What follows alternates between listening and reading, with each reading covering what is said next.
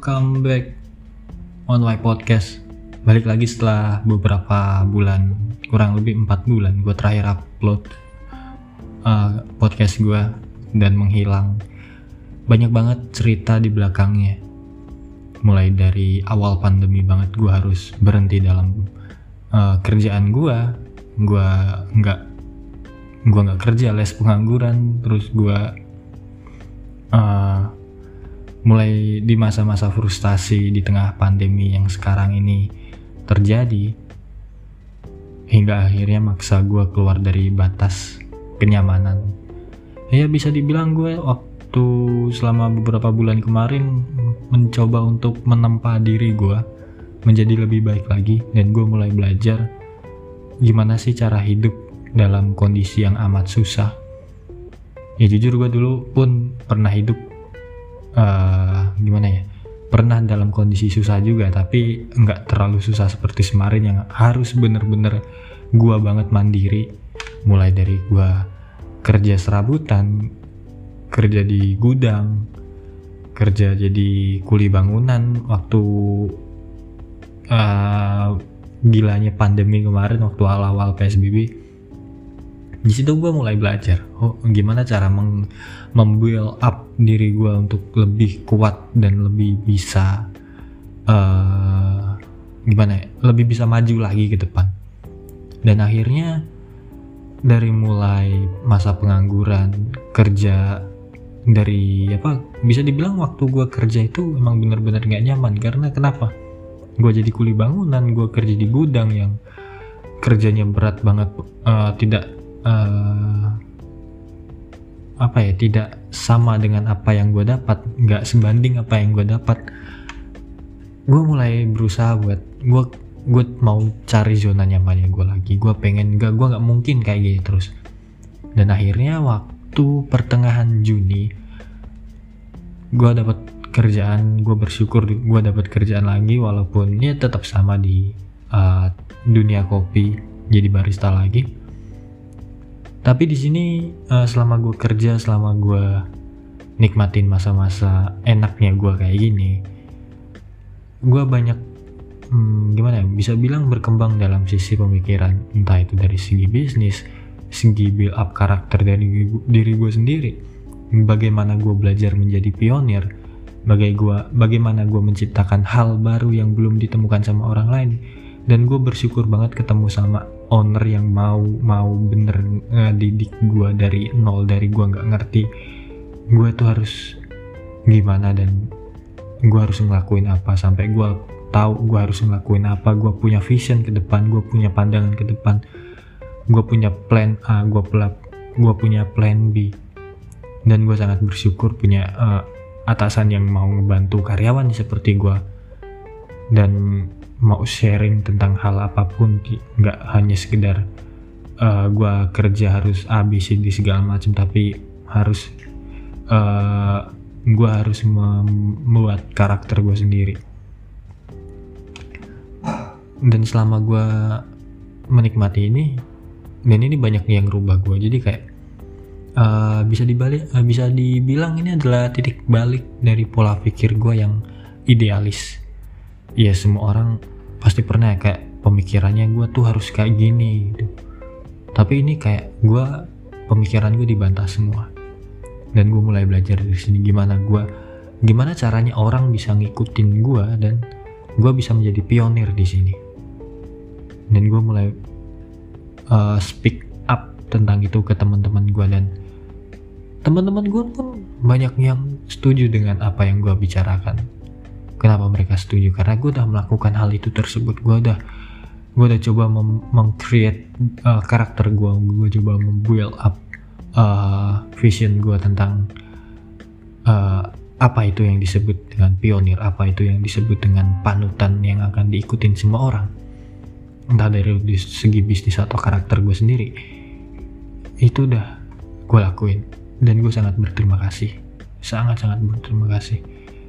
Dan ini adalah challenge gue yang kedua sebenarnya bagaimana gue meng-create lagi baga uh, dari segi bisnis. Apalagi untuk kita bicara agak sedikit uh, prihatin mungkin bukan prihatin sih tapi agak sedikit sedih.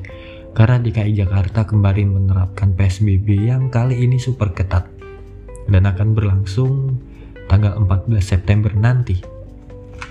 Di mana ini akan berdampak lagi terhadap uh, para pedagang para pengusaha rumah makan atau yang lain sebagainya mereka akan terkena dampaknya lagi entah dari uh, sepinya customer atau mereka harus tutup kembali hingga akhirnya mereka bu bisa buka setelah keadaan membaik.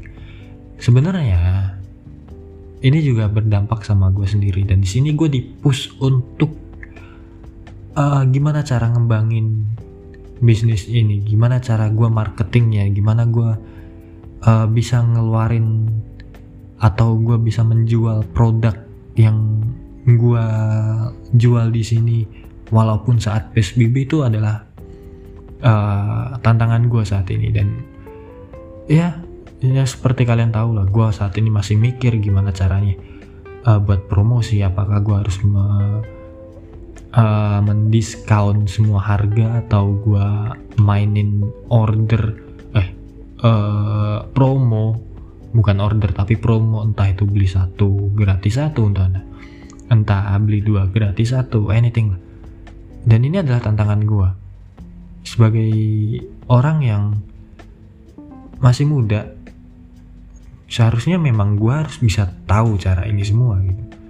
Dan bahkan uh, owner gue pun menyerahkan uh, uh, sistem ini ke gue ininya uh, next setelah tanggal 14 gue akan memanage itu semua. Dari mulai segi promo uh, penjualannya kayak seperti apa, targetnya seperti apa, promosinya seperti apa, itu semua uh, mungkin kalau persentase sekitar 60% ada di tangan gue, gue harus mainin itu semua.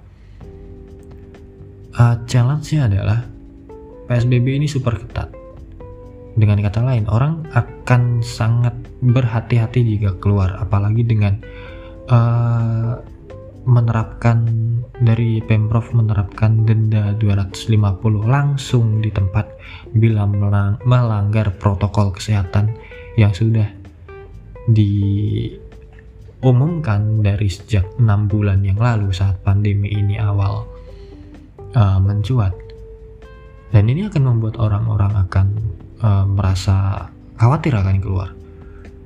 Apalagi di Jakarta sekarang lonjakannya begitu luar biasa. Tadi gue lihat di berita sekitar 49 ribu orang terkena positif corona. Itu agak membuat gue prihatin sih membuat prihatin nih uh, karena susahnya untuk mengatur masyarakat menjaga jarak dan tetap menggunakan masker itu gue bahkan kayak di jalan masih sering ngelihat beberapa orang nggak pakai masker, tidak menerapkan protokol kesehatan, kayak mereka berpikir kayak oh corona corona itu ada corona ada tapi datanya yang hoax itu adalah pemikiran mereka gue paham kenapa mereka bisa ngomong kayak gitu karena mungkin mereka belum melihat secara langsung bagaimana uh, proses penanganan pasien COVID-19 ini di rumah sakit, ya wajar mereka bilang seperti itu. Tapi sebagai masyarakat yang baik, setidaknya kita mematuhi protokol yang sudah diterapkan oleh pemerintah. Entah itu baik buruknya, itu akan kembali lagi ke kita. Kalau misalkan memang pemerintah itu pasti bisa, pemerintah itu pasti udah pintar lah uh, dalam mengambil langkah.